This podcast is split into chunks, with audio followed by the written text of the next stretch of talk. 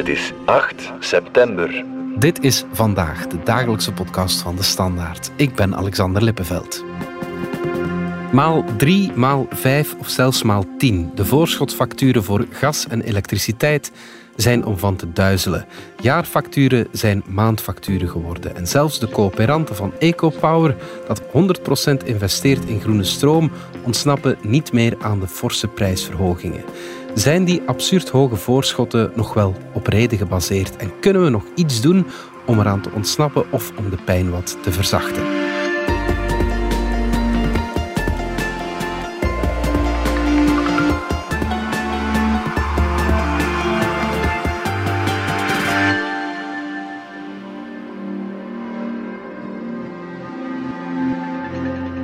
Niemand heeft een beter zicht op hoe de energiefactuur de Vlaming bezighoudt dan de ombudsman voor energie.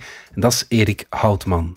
We hebben dit jaar na acht maanden al meer dan 17.000 klachten ontvangen. Meer dan 17.000, dat betekent dus dat wij bijna het van klachten al ontvangen hebben in vergelijking met 2021. En dat op zich was al een recordjaar. En dat heeft alles te maken natuurlijk met de ongeziene prijsverhogingen die leveranciers doorrekenen aan hun klanten natuurlijk. Met gevolg hè, dat we uiteraard veel klachten krijgen over die prijsverhogingen. Zijn die juist toegepast? Is het contract van vast naar variabel gegaan? Heeft men daar de contractuele duur gerespecteerd? Of de prijsgarantie die onderliggend was uh, aan het contract, is dat allemaal gerespecteerd geweest? Ja, Pascal Sertijn van onze economieredactie, de ombudsman voor energie, die wordt overstelpt. Maar ik veronderstel dat veel vrienden en kennissen van jou je, ook wel eens overladen met vragen. Wel ja, in mijn kennissenkring en ook familie weet dat ik energie volg voor de standaard. Dus uh, je kan daar zonder op zeggen, elke keer als we bijeenkomen of ik zie vrienden, dat ze ja, ofwel met de vraag stellen van wat moeten we doen, ofwel een uh, voorbeeld uit eigen ervaring geven van ja. hoeveel meer dat ze nu moeten betalen of welke voorstellen dat ze gekregen hebben en wat dat eigenlijk hen meer gaat kosten. Ja, ja, natuurlijk. Ja. Ik heb natuurlijk ook een paar vragen over de ja. energiefactuur, dus die ga ik dan maar ook stellen. Hè. De voorbije dagen brachten geen goed nieuws over uh, de hoogte van de facturen. Hè? Mm, Vertel ja. eens. Ja, inderdaad. Uh, beslissing van Rusland om geen gas meer te leveren aan Europa, -hmm. zorgt ervoor dat begin deze week die gasprijzen weer bijzonder sterk zijn gestegen. Vorige week was er eventjes sprake van afkoeling, als ik dat zo mag zeggen, met lagere gasprijzen, maar een groot deel van die daling is nu weer ongedaan gemaakt na ja. de recente uitspraken die dat gedaan die zijn. Nord Stream, uh, dat die Nord, dat die Nord Stream pijpleiding niet meer in gebruik zal worden genomen, zolang dat Europa economische sancties uh, treft ja, of ja, uh, neemt tegen Rusland. Ja, ja, ja oké. Okay. Um, was dat eigenlijk niet vroeg of laat te verwachten dat de Russen die aankondiging ooit gingen doen? Wel, het is zo dat in Europa er men van uitging dat men tegen de winter moest klaar zijn voor een volledige onderbreking van het Russische gas. Ja. Waarmee Europa geconfronteerd is, is dat Rusland de voorbije maanden stelselmatig minder gas naar Europa ja. aan het sturen is. En uh, dus die gaskraan die wordt altijd maar dichter gedraaid voor de winter. En uh, dat is eigenlijk het onverwachte, als ik het zo nog mag ja. noemen. Uh, we belden even met Johan Zanardi, dat is een zelfstandig advocaat uit Dilbeek. En zijn nieuwe voorschotfactuur is 4,5 keer zo hoog als voordien. Ik heb vorige week mijn cijfers binnengegeven en binnen de 48 uur kreeg ik als resultaat het zeer goede nieuws dat ik een bedrag ging terugbetaald krijgen van 409 euro. Maar mij vanaf 19 september een nieuw voorschot voorstelde van 1259 euro, inclusief BTW, wat ons brengt op een goede 14.000 à 15.000 euro per jaar. En ik moet zeggen, ik was daar wel eventjes van mijn melk van. Ja, Pascal, die bedragen, uh, voorschotfacturen die maal 3, maal 5, ja. maal 10 gaan, is dat echt de regel vandaag? Dat is echte regel voor wie aardgas verbruikt en ja. veel voor verwarming ja. in huis. Met de huidige gasprijzen die een veelvoud zijn vergeleken met één jaar en zeker twee jaar geleden, mm -hmm. ja, betekent dat dat is ongezien. Ja, maar de elektriciteitsprijs hangt er natuurlijk ook aan vast. De elektriciteitsprijs hangt eraan vast. Dat, is dan, ja, dat komt daar bovenop, omdat die gasprijs bepaalt heel sterk momenteel al een hele tijd de elektriciteitsprijs, omdat een deel van de elektriciteit wordt geproduceerd in aardgascentrales. Ook voor de elektriciteitscentrale is gas, je moet dat heel duur aankopen. Dus Mhm. die elektriciteitsprijs gaat eigenlijk mee de hoogte in. Laten we even kijken naar die eh, factuur, want die voorschotbedragen, hoe worden die eigenlijk bepaald? Welke uitleggevende leveranciers daarover?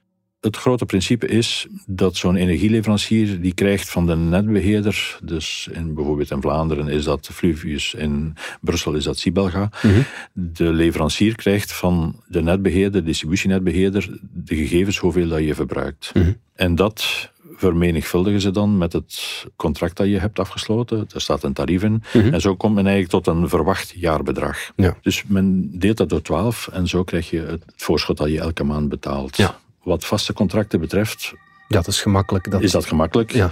Want je, je, je tarief ligt voor een heel jaar vast. Nu, wat variabele contracten betreft, die prijs schommelt. Mhm. En die wordt om de maand of om de drie maanden door de energieleverancier aangepast. Ja. Bij de huidige heel sterk stijgende gasprijzen en elektriciteitsprijzen wil dat zeggen dat het variabele prijs die je aangerekend kreeg en waar dat het voorschot op gebaseerd is voor een heel jaar, van pakweg een half jaar geleden, dat je per maand veel meer ja, betaalt voor je verbruik. Als die voorschotfactuur niet wordt aangepast, dan krijg je op het eind van de rit een heel hoge jaarrekening gepresenteerd. Ja, ja, ja. Wat er dan gebeurt is dat sommige energieleveranciers proactief handelen en hun klanten laten weten, beste klant, je betaalt dit voorschot, maar Eigenlijk je zou je dat, beter... eh, dat de energieprijs enorm hoog is. Ja, dat voorschot volstaat niet meer. Mhm. En dat zorgt ervoor dat men voorstel doet om dat voorschot te verhogen. En omdat die energieprijzen zo sterk zijn gestegen, komt dat erop neer dat ook die voorschottassuurs beginnen stijgen. Ja. Zijn er soms leveranciers die, zich, ja, die ergens misbruik maken van de situatie en zich vooral al indekken tegen wanbetalers?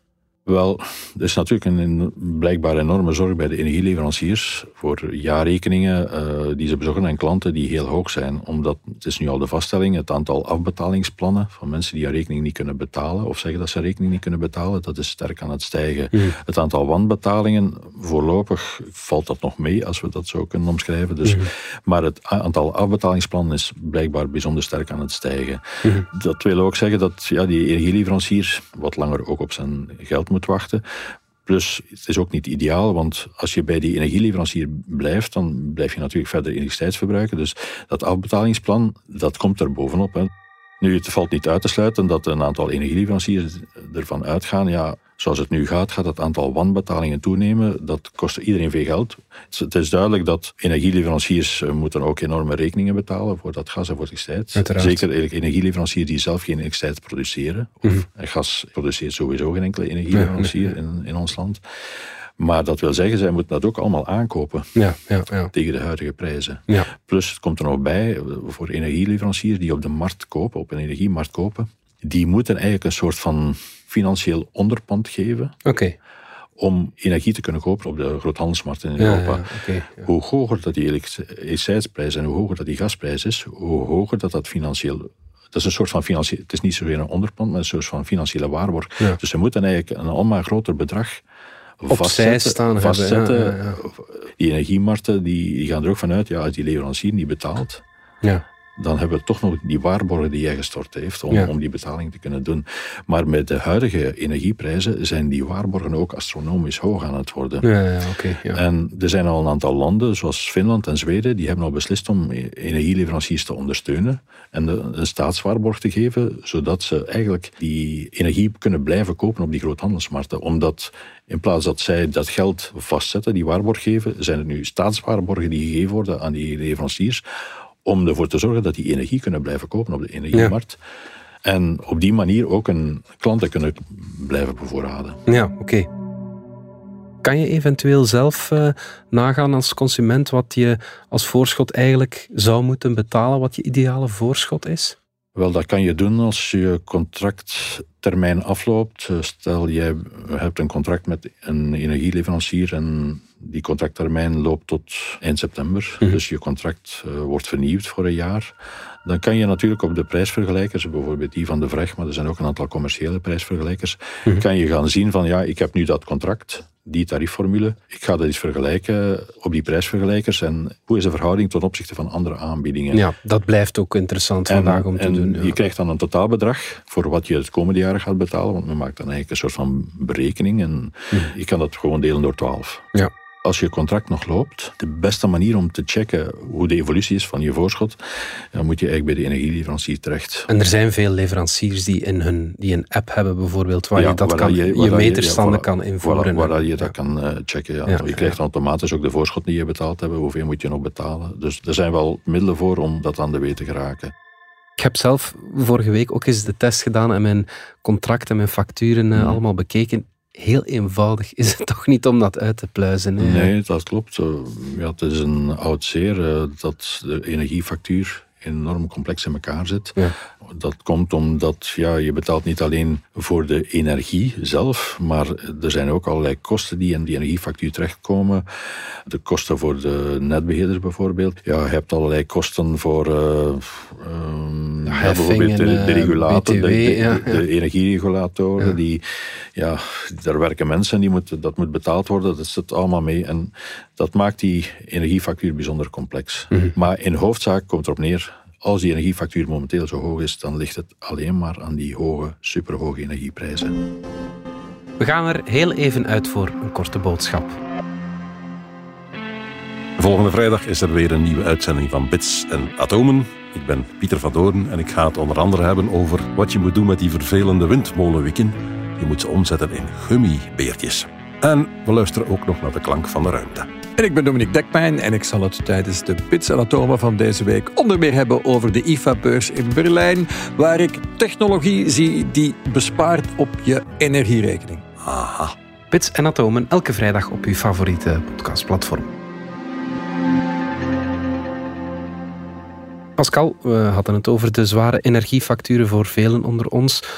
Ons werd lange tijd verteld dat je vooral moet vergelijken, kijken welke leverancier de beste is. Geldt dat vandaag nog bij deze extreme? Zijn er nog grote verschillen tussen die leveranciers?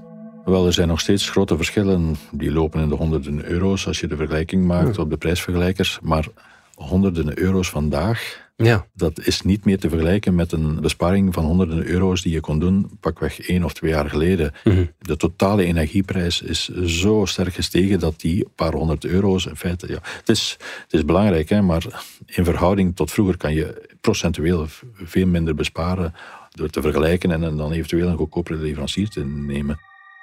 Ook uh, advocaat Zanardi die ging op zoek naar een beter energietarief. Ik heb geloof ik 14 dagen om te wisselen en ik heb nu een simulatie gedaan. En dan kom ik tot de conclusie dat zelfs wanneer je zou van energieleverancier proberen te wijzigen, dat ik toch sowieso gas plus elektriciteit op eh, minstens 6500 euro per eh, jaar zou komen, 525 euro per maand, die ons toch nog gaat brengen naar minstens een verdubbeling van de 277 die we nu maandelijks betaalden. Ja, het is beter dan zijn 1200 eh, euro van uh, in het begin van onze podcast, maar het is nog altijd heel hoog natuurlijk, 500 euro. Um, kies je vandaag best voor een vast of een variabel contract? Er zijn heel wat energieleveranciers die zelfs geen vast contract meer aanbieden. Oké, ja, ja. Als je nu naar de Vlaamse energiemarkt kijkt, uh, dan komt het eigenlijk op neer dat er zo goed als maar één energieleverancier meer overschiet die een vast contract aanbiedt. En ja, als je dan de vergelijking maakt tussen dat vast contract van die energieleverancier en de variabele contracten van zijn concurrenten of van diezelfde energieleverancier, dan zal je vast dat het prijsverschil vrij aanzienlijk is. Omdat ja, die energieleverancier, dat vast contract wil zeggen dat hij zich voor een heel jaar verbindt om dezelfde prijs, een vaste prijs te bieden. Je koopt een beetje zekerheid. Ja, je koopt zekerheid, maar dat, daarvoor betaal je een premie. Ja. Want die energieleverancier moet in de loop van het jaar al maar die energie kopen en die weet eigenlijk niet goed waar dat die gaat uitkomen. Ja, ja, tuurlijk. Dus um, eigenlijk in de praktijk komt erop neer dat iedereen die momenteel op zoek is naar een nieuw energiecontract bij een variabel tarief terechtkomt. Mm. Opmerkelijk toch in uh, dit hele verhaal, zelfs wie groene energie afneemt, dat gaat dan om elektriciteit natuurlijk, die ontsnapt niet aan de prijsverhogingen. Zelfs EcoPower, de coöperatieve, die kondigde een serieuze prijsverhoging aan. Hè? Ja, en uh, je vraag, hoe komt dat? Ja. Uh, wel, EcoPower uh, heeft zijn eigen excitesproductie en die is uh, volledig groen. Mm -hmm. En dat bestaat uit windturbines en deel zonne-energie. Ik denk ook een klein beetje biomassa. Okay. Zij leveren die excite aan hun klanten, aan hun coöperanten. Maar de wind die waait niet altijd. De zon, na zonsondergang is er geen zon meer. Mhm, en, uh, dat wil zeggen dat de productie van die groene excitesproductie van, uh, van EcoPower, die varieert. Mhm. En aan de andere kant heb je daar de klanten die excites verbruiken. Mhm. Bijvoorbeeld s'avonds, iedereen komt thuis, uh, het licht gaat aan, zeker nu het wat vroeger donker begint te worden, de herfst is op komst. Dus het, wie een elektrisch fornuis heeft, ja, die begint te koken. Dus er is een verschil tussen wanneer de productie het hoogst is. Uh, EcoPower en wanneer wordt dat verbruikt. Ja, ja. En dat heeft voor gevolg dat een groene stroomproducent en een groene stroomverkoper zoals EcoPower soms moet gaan aankopen op de energiemarkt. Dan worden ze daar geconfronteerd met de hele hoge excitesprijzen. Hmm. Dat zorgt ervoor dat zij ook op sommige momenten heel veel moeten betalen voor die energie.